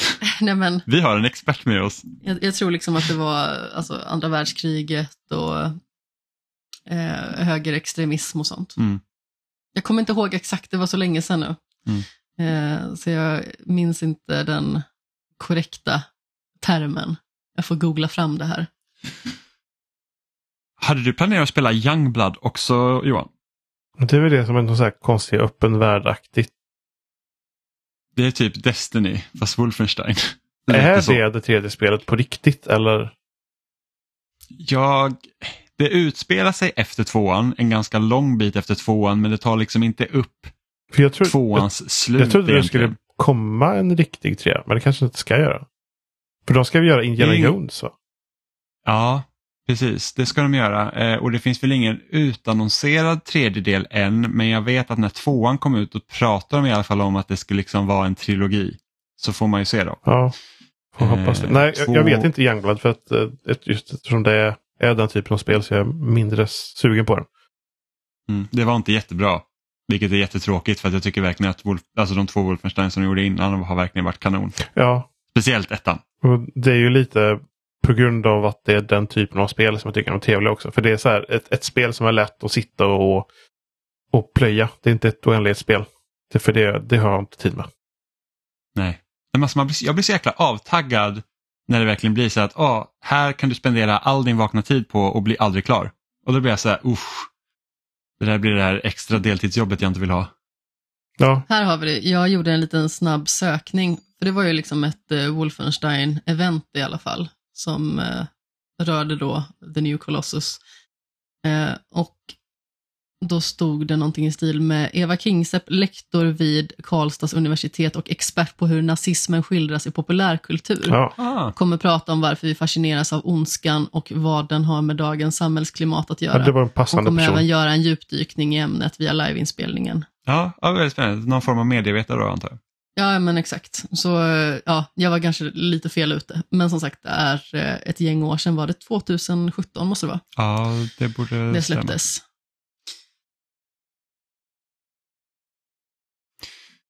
Ja. Det var intressant i alla fall. ja, men det, Det var väldigt spännande tillskott. Eh, Så det var ju jag och Lisa och Lilly från TV-spelspodden som pratade med henne om det. Kul. Mer, mer, borde vara mer sånt. Mm, definitivt.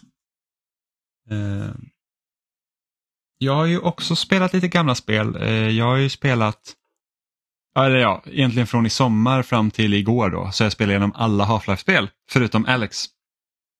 Eh, för det är liksom, när jag skaffade min Steam Deck då var det så att oh, nu kan jag äntligen sätta mig och spela Black Mesa. För det har jag velat spela hur länge som Ja, helst. du men det, kör jag, Black Mesa, inte riktigt ettan.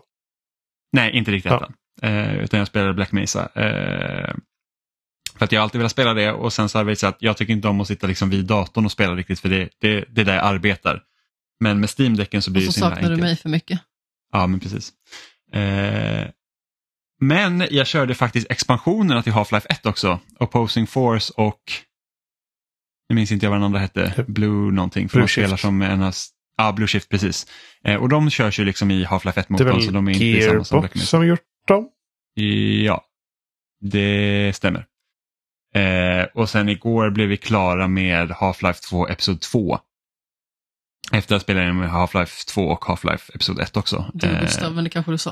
Eh, det vet jag inte om jag sa, men jag och Gustav, vi spelar dem tillsammans. Eller ja, vi spelar inte Black Mesa tillsammans, men jag spelade och han blev så sugen så spelade han det och sen bara, ah, men ska vi dra igenom resten av serien också tillsammans? Så bara, så har vi gjort det. Och det är liksom, det är fortfarande smärtsamt att det egentligen inte finns en fortsättning på Episod 2 i Half-Life 2. Eh, med tanke på hur det spelet slutar. Sen vet jag att Alex ska ta upp vissa trådar som jag inte vet hur eller ja, hur det görs eh, för att jag inte vill spoilas för att eh, det finns en förhoppning inom mig att Half-Life Alex kommer till Playstation VR 2 som jag vill köpa. Eh, istället för att spendera 10 000 spänn på en index för att spela ett spel. Eh, men det slår mig ändå hur roliga Half-Life-spelen är ändå.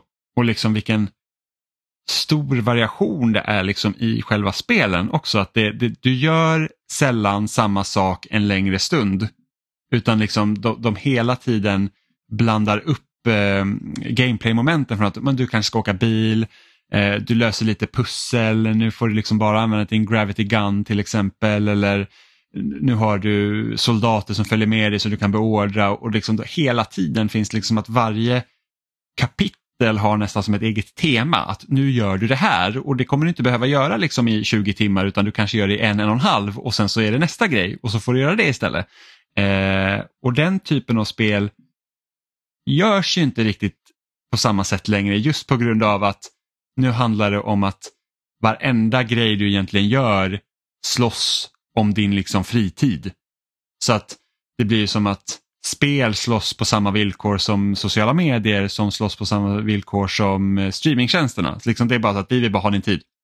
Och det är därför spel typ som Destiny och Fortnite och Fall Guys med sina Battle Pass liksom ser till att vi måste engagera våra eh, spelare så att de spenderar så mycket tid som möjligt på vår plattform och ingen annat. Eh, och därför känns det så skönt att spela då ett, ett, liksom ett single player-äventyr som Half-Life. Det är så att ja, men här är 12 timmar och sen är det klart. Jag behöver liksom inte säga att det här är inte mitt liv det närmsta må liksom, halvåret utan det, det, det, det är start till slut. Ja, alltså, jag älskar Half-Life 2. Det, det, är det, alltså, det, är det, det, är det spelet jag har spelat flest gånger någonsin. Jag hade inte spelat de här spelen sedan jag köpte Orange Box 2008.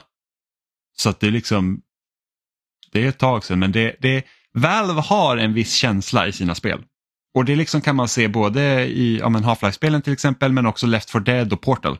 Är liksom, det har den här, det har någonting och det är svårt att sätta fingret på exakt vad det är för något. Men man liksom, så fort man kommer in i något av deras spel man bara ah. Fingertoppskänsla. Ja men fingertoppskänsla, man, liksom, man, man liksom sugs in i det. Liksom ta bara typ som Left 4 Dead till exempel. Där ja, speciellt ettan då, det finns ju liksom egentligen inget narrativ i spelet som, som det följer utan varje liksom kampanj är ju som en liksom isolerad händelse nästan. Eh, och även där känns det liksom som att när man dyker in och väljer sina vapen och sen ska man ge sig ut och liksom slakta zombies så är det ändå så här att man känner sig så inne i det på grund av hur de presenterar det. Eh, så att det, det är kul. Men jag tycker det är så otroligt synd att Half-Life inte har liksom fått en ordentlig uppföljare på så länge. Det är så skumt att Half-Life Episod 2 kom just på något sätt när de inte kände för att göra spel längre. Jag vet inte det var, jag tror inte det var på grund av det spelet, men det var verkligen den svängen när de kände att nej, nu, vi, vi, ja, det, det är inte det här vi tjänar pengar på längre. Nej, det var just det, för det var under den tiden som Steam också exploderade. Mm.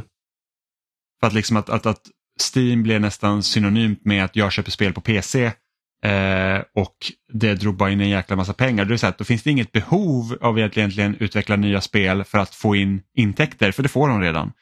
Eh, och då kan det liksom ta längre tid och de har ju försökt göra Half-Life 2 Episod 3 eller Half-Life 3 flera gånger och det liksom har aldrig mynnat ut i någonting. Men jag tror att det handlar om, nu ska jag inte gå iväg på en för lång Game of Thrones-avstickare för det händer på tok för ofta. Men eh, jag tror att det är lite samma syndrom där egentligen, liksom att eh, de har försökt att eh, skapa den här uppföljaren precis som George R. R. Martin liksom har försökt med sina böcker. Och eh, det är liksom så stor press och i och med att det går så lång tid så ökar pressen ytterligare och det blir svårare att verkligen klämma ur sig den här färdiga produkten just bara för att det finns så höga förväntningar. Eh, så då är det liksom lättare att fokusera på annat än att faktiskt göra det som alla längtar efter så himla mycket bara för att man förmodligen kanske är lite rädd att man kommer göra väldigt många människor besvikna. Mm. Det är väl den orsaken jag trodde på från början också. Men, men jag, jag tror inte det är längre. Jag, jag, jag, tror bara att de inte... Alltså, så här, kollar man på de spelen som läckte lite att de var på väg. Alltså de varianterna. Mm. Det, var ju att, det var ju att de outsourcade spelet. De vill inte lägga pengar på spelet. Tror det bara handlar om pengar. Mm. De vill inte lägga pengar på utvecklare själva. Därför blev det inte. De försökte liksom att få någon annan att göra spelet istället. Mm. Och det höll inte kvaliteten som de gjorde själva. Och då blev det inget. Och det är så jäkla synd för att det är liksom sättet som Episod 2 slutar på. Eftersom planen var ju från början att, att jag har ju läst liksom intervjuer att Gabe Newell sa ju typ att det var ett misstag att kalla episoderna till Half-Life 2 för Half-Life 2 episod bla bla utan det borde hett Half-Life 3 episod bla bla. Eh, och då var ju tanken att det skulle vara en trilogi för att att utveckla de här episoderna skulle inte ta lika lång tid som att göra liksom en, en regelrätt uppföljare som är typ 15 timmar. Utan då kan man hellre göra episoder som är typ 3-4 timmar istället. Eh, och sättet som episod 2 slutar på, alltså det bygger ju verkligen upp på att okej, okay, nu, nu vet vi liksom, vi, vi har det här liksom stället som heter Borealis. Vi ska åka dit, Gordon du har liksom räddat dagen här vart vi är just nu, nu måste vi göra oss förberedda för att åka till Borealis. Och liksom spelet ger ingen indikation till dig att nu håller det på att ta slut. Och sen så kommer cliffhangen och sen är det slut. Och där är vi. Ja. liksom, det är in, och sen kom Portal 2 löst. där de teasar mer saker om Borealis och sen så blir det inget mer. Exakt. Och Portal 2 är, var ju liksom länge det sista liksom single play-spelet de utvecklade. Sen, jag tror väl nästan att Half-Life Alyx är liksom det första sedan Portal 2 Ja. som är liksom regelrätt single play-äventyr. Ehm, och sen som sagt, jag vet inte vad som händer i Alex. Jag vet att det ska ta upp vissa trådar från slutet i Episod 2. Men jag vet inte hur och jag har inte liksom velat spoila på det som jag har en förhoppning om att jag ska någon gång kunna Jag få tror det spela sluta med att jag kollar på någon sorts Let's Play eller någon sorts ihopklippt Let's Play på det. Mm. Eh, men jag läste liksom den synopsisen som Mike Laidlaw som har skrivit eh, Half-Life episoderna, tror jag, jag vet inte om han skrev Half-Life 2 också, om hur Episod 3 skulle vara. Och det var bara så här att man kommer till slutet av det och man var så här att jag hade så gärna velat spela den här berättelsen för att det var så himla, alltså det man bara kände så här, var, "Uff, vad spännande, det är liksom inte riktigt som, det är inte som du kan förvänta dig och det är liksom inte riktigt som något annat heller. Så att det, ja, det, det, det är så otroligt synd. Men det positiva med att om de väljer att göra någonting med Half-Life, om den gör Half-Life 3 eller om de faktiskt så kallar det Half-Life 2 Episod 3, det hade varit lite kul om de gjort det, eh, är det att Sean Vanneman som har skrivit första säsongen av Walking Dead och Firewatch och även hjälpte till på Half-Life Alyx är där och är ett så här otroligt stort Half-Life-fan. Så att jag tror att hade han fått skriva en trea eller en uppföljare då kan vi säga, eh, så tror jag att det hade verkligen varit i rätta händer. Och det är det jag hoppas på, innerligt, att han får göra. Så vi får se. Men hur känns det nu Jimmy när du har spelat eh, merparten äldre spel? De är ju inte gamla, eh, alla spelen du har spelat, men hur känns det nu? Last of Us, God of War, har det varit skönt? Faktiskt. Det här var så himla skönt att bara känna så här att, nej men vet du vad, nu ska jag faktiskt spela någonting som jag verkligen vill spela utan att känna att jag liksom går miste av att, en ny upplevelse. Eh, för att det var ju så att när, för Last of Us Part 2 är ju så pass långt, alltså det tog mig, jag försökte liksom inte ens göra allt i Part 2 nu, för jag har ju tagit Platinum i det redan, så jag tänkte, jag ska inte liksom jag ska inte liksom gå igenom varenda hörn i, i jakt på resurser, utan jag ska pinna på ganska bra. Så tog det ändå mig 18 timmar att klara ut det spelet. Och då är du snabb, ska ju tilläggas. Alltså du är ju förmodligen dubbelt så snabb i det mesta som jag är. Ja, men jag, jag brukar ha ganska bra tempo när jag spelar eh, och det har bara känts ganska skönt. Och sen nu när jag var klar med part två så var det så här att ah, fan, jag vill spela God of War också innan Ragnarok kommer. Eh, så jag började med det också i fredags och det är liksom också så att ja men det är ganska nice och bara så att jag känner igen det men det har gått tillräckligt lång tid sedan jag spelade sist eller senast för att det liksom ska kännas så att jag vet exakt hur allt går till. Mm, precis, och du har ju pratat om att spela om det ända sedan jag spelade det. Ja, gud, alltså- innan jag spelade. Jag spelade i början av 2021. Jag, jag köpte ju, när jag fick min PS5 så var det det första spelet jag laddade ner.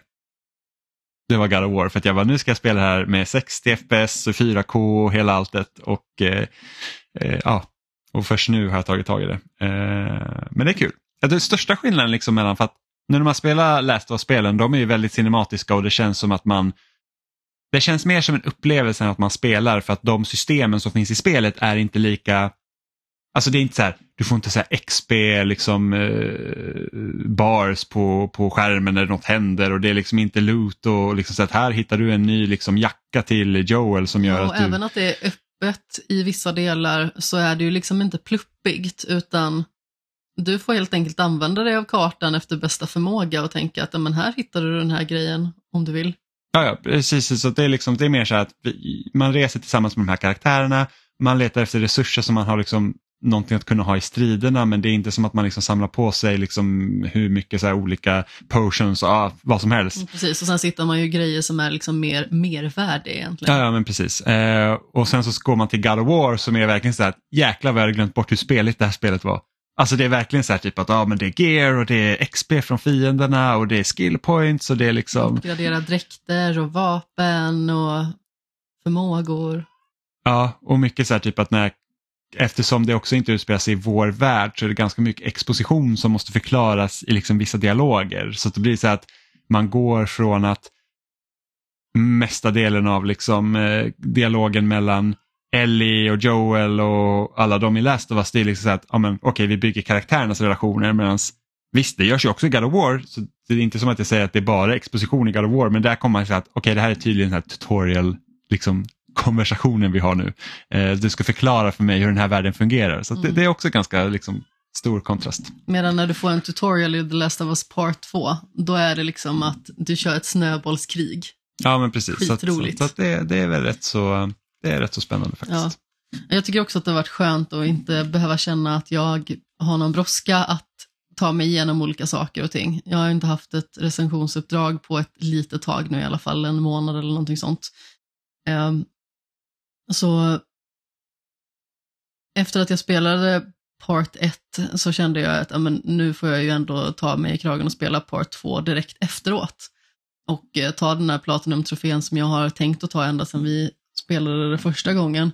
Men sen så var jag lite trög också, men jag tror att det var för att när jag spelade på Retroresan Meetup, då skulle jag starta Part 2, men det gick inte. Av någon anledning. Så eh, det tog lite tid innan jag faktiskt eh, kom igång med det ordentligt, men jag måste säga att det är väldigt trösterikt och tryggt att följa en guide på något sätt. Jag vet inte riktigt vad grejen är, men i och med att jag spelat det innan så känns det liksom som att jag får ut ganska mycket av att följa en guide. Eh, man får utforska på ett helt annat vis, upptäcka allting. Se hur liksom så här finurliga lösningar finns från skaparnas sida, som de i vissa fall liksom har tagit. Och, ja, men jag, jag tycker att det är väldigt trevligt. Jag borde ju ha kört med en guide från början i part 1, för nu måste jag liksom gå tillbaka och samla grejer i och med att jag insåg att men jag vill ta Platinum-trofé i det här också. Eh, men i och med att jag var så noggrann i den genomspelningen kände jag bara wow, det är så mycket som jag liksom inte har tänkt på innan och då har jag ändå spelat första spelet massa gånger. Så alltså det går upp för mig väldigt mycket när jag spelar om de här spelen. Alltså vilken kreativ anda ändå som ligger bakom och detaljrikedomen är verkligen fantastisk i den här världen. Det finns liksom så mycket gömda små grejer som man inte tänker på eller så konversationer som triggas när man hittar vissa grejer som man kanske har missat tidigare som gör att man blir dels påmind om det förflutna men det finns också hintar inför framtiden. Jag tycker att det är alltså, väldigt slående och sen nu är jag fortfarande på, jag tror att det är första dagen i Seattle Med Ellie. Precis. Och eh, det är ju segt va? Alltså det var jättemycket att hitta där. Men samtidigt kändes det väldigt skönt att men jag har den här guiden, det är bara att följa den så hittar jag allting. Så får jag liksom det här mervärdet serverat för mig. Eh, och någonting som jag tycker var väldigt roligt det är ju liksom att jag har ju typ ända sedan vi skulle börja spela de här spelen nynnat på Future Days av Pearl Jam i typ tre veckor. Men jag visste inte att det var Pearl Jam som hade gjort den låten innan, Nähä. vilket är väldigt roligt. Eh, jag lyssnade ju lite mer på Pearl Jams gamla grejer. Jag har liksom inte lyssnat på dem supermycket, men det här beror på liksom att mina eh, jag på att säga släktingar, min pappa och min bror har lyssnat på Pearl Jam tidigare. Eh, så min favoritlåt är ju Black från 1991. Och när man går in i musikbutiken i Seattle, där Ellie sätter sig och eh, dels plinkar lite Future Days, men sedan spelar Take On Me för Dina, där hänger ju en Pearl Jam-poster från det här 2013-albumet Lightning Bolt. Eh, och det var ju ingenting som jag har tänkt på vidare mycket tidigare och jag vet inte ens om jag var inne i musikaffären. Det kanske var du som gjorde den delen och jag kanske inte som reflekterade så himla mycket. Men jag tycker att det var väldigt roligt och eh, liksom en kul passning där. För det var ju så att anledningen till att jag upptäckte att det var Pearl Jam som gjorde den låten var att jag sökte på den på Spotify för att se om The Last of Us-versionerna fanns på både Take On Me och Future Days. Alltså det är liksom sådana grejer som man, man blir varm i själen. Och ja. framförallt liksom att, okej, okay, det här är ett band som jag känner till och känner igen väldigt mycket musik ifrån, men det är liksom ett band som jag förknippar liksom mer med min barndom snarare än mer nutida och vuxenlivet egentligen. Så det, det var mysigt. Jag undrar om tv-serien kommer utspela sig som att apokalypsen sker 2013 eller om de kommer liksom ha att det händer på 20-talet. Ja, det kan man ju undra. För att spelen är fast liksom i 2013. Liksom. Exakt. Ja, hur det såg ut då. Så man kan hitta lite så PS3 och lite överallt. Och det är en ganska kul i, i part 2 faktiskt när eh, man spelar som Ellie och sen så infiltrerar man sjukhuset tror jag det är. Eh, då är det ju en av dem som sitter och spelar vita med Hotline Miami på. Ja, det är jättecharmigt. Eh, Väldigt fin passning. Mm. Men jag uppskattar del två mer nu än vad jag gjorde första gången jag spelade igenom den. Yes, jag, ja. jag trodde det var tvärtom i och med att du tyckte att det var så segt i första biten ja, ja, men, Ellie. Ja, men jag tycker att e- Ellies del tycker jag är betydligt sämre än Abbys. Eh, och det är mycket för att Abby får mycket mer liksom meningsfull karaktärsutveckling för henne själv och liksom med de karaktärer runt omkring henne eftersom vi inte känner någon av dem sedan innan. Utan liksom så att vi får lära oss om, om dem och deras relationer tillsammans och sen när hon träffar Lev och Yara så får liksom hon bygga relation med dem också. Lite likt som Ellie och Joel fick göra i del 1. Ja men precis, jag tror att en stor del i det hela är också att vi har en bild av hur vi tycker att Ellie är från första spelet och hon försämras ju typ ja, det, konstant det... under tidens gång. Nej, men alltså, jag, jag, tror att det kan också vara liksom en grej som, som gör att eh, man tycker att Abby är liksom mer intressant och man växer ju liksom i hennes kläder, om man säger så. Alltså, eh, hon blir mer sympatisk ju mer man spelar henne, för att man förstår ju liksom var hon kommer ifrån. Men just också på grund av att hon har heller inte det här typ uttalade målet när vi börjar spela som henne, för att hon är ju redan klar.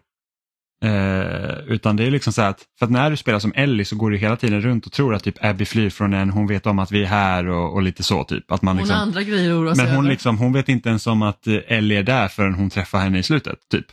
Eh, så att, så att, men just det här att jag tycker att relationen mellan Ellie och de andra karaktärerna får inte heller riktigt byggas upp. Vi har liksom Dina och Jessie som är helt nya för oss, inte nya för Ellie dock. Men liksom, för att ta till exempel Ellie och Dina, det går liksom för att okej okay, men de har pussats, de är kära i varandra typ, eh, liksom Seattle är slut, de har familj. Jimmy, åldersgräns 13, de har pussats. Ja men liksom det, det är så att det är liksom okej okay, men det, det, är inte som när, när Joel och eh, Ellies relation fick liksom byggas upp från grunden till exempel. Så att det, det, det, jag tror att det är en stor del därför. Och sen så vet jag att för några veckor sedan så pratade jag också om med Oliver så att i del 1 så är det ofta så att karaktärer har argument med varandra.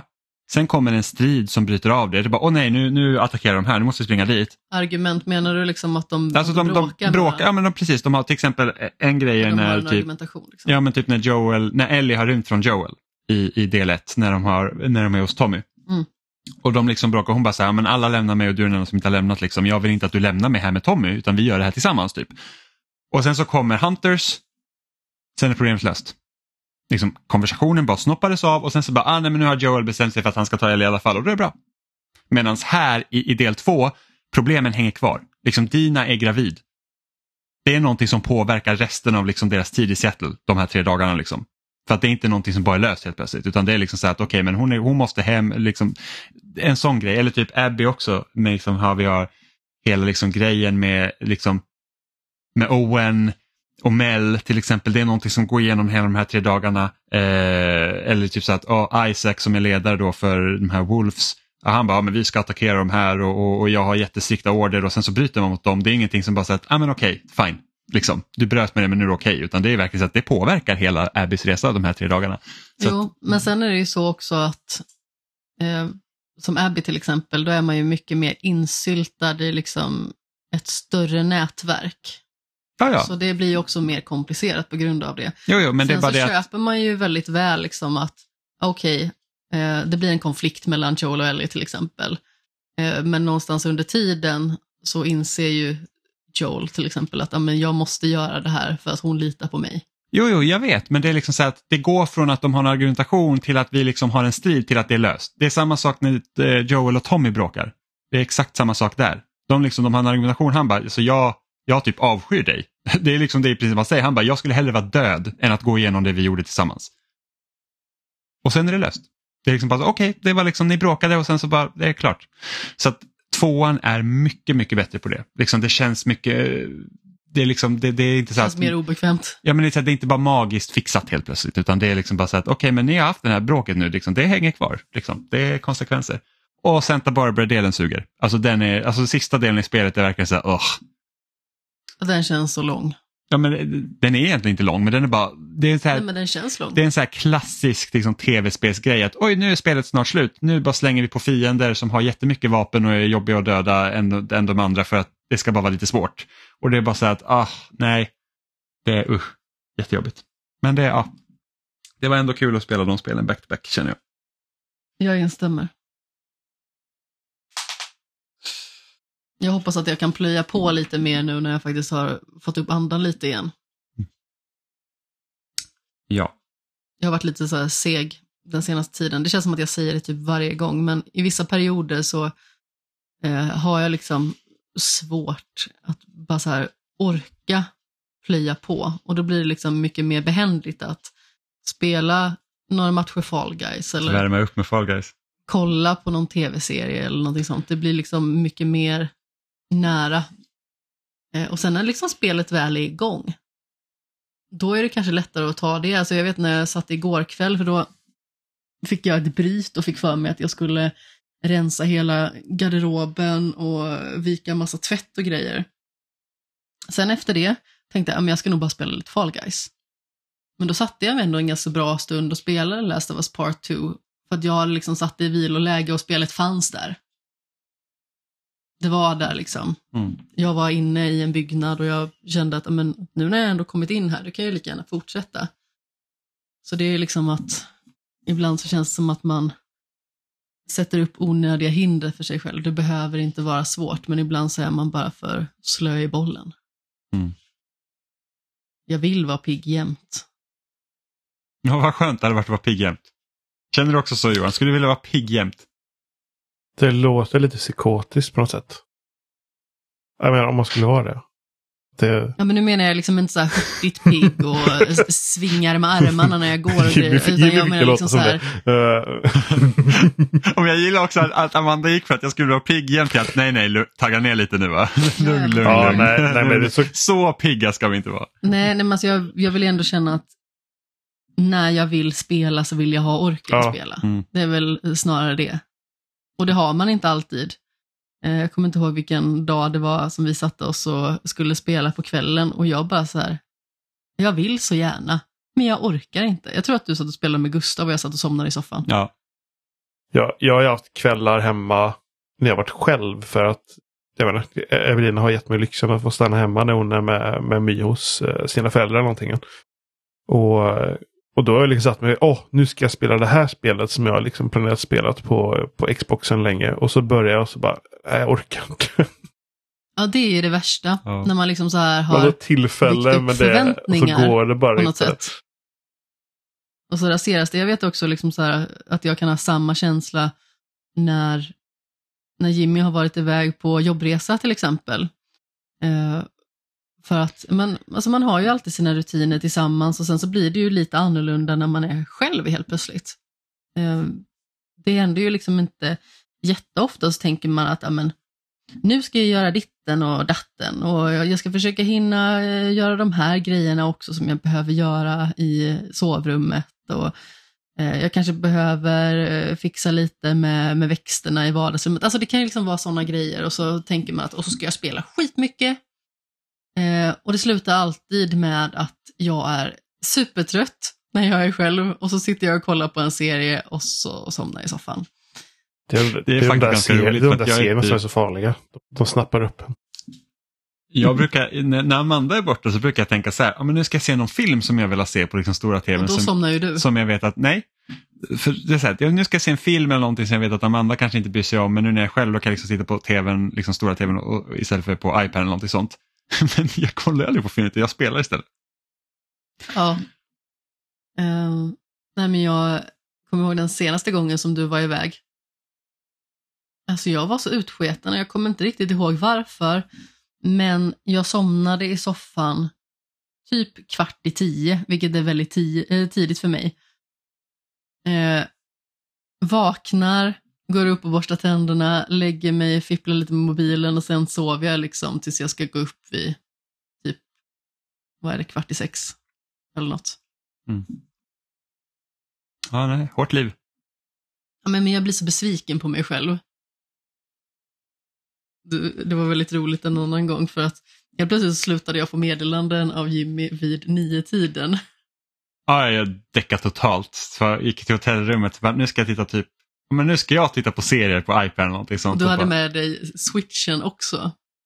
Eh, har jag för mig. Ja, det hade jag bara, nu ska jag spela, ska kolla på serier, ha en liten mysig stund för mig själv och sen så däckar Ja, däck, däckar klockan nio. Så vaknade jag tre på natten och bara så här, jag måste gå i duschen. så duschade jag gick och sov några timmar till. Ja.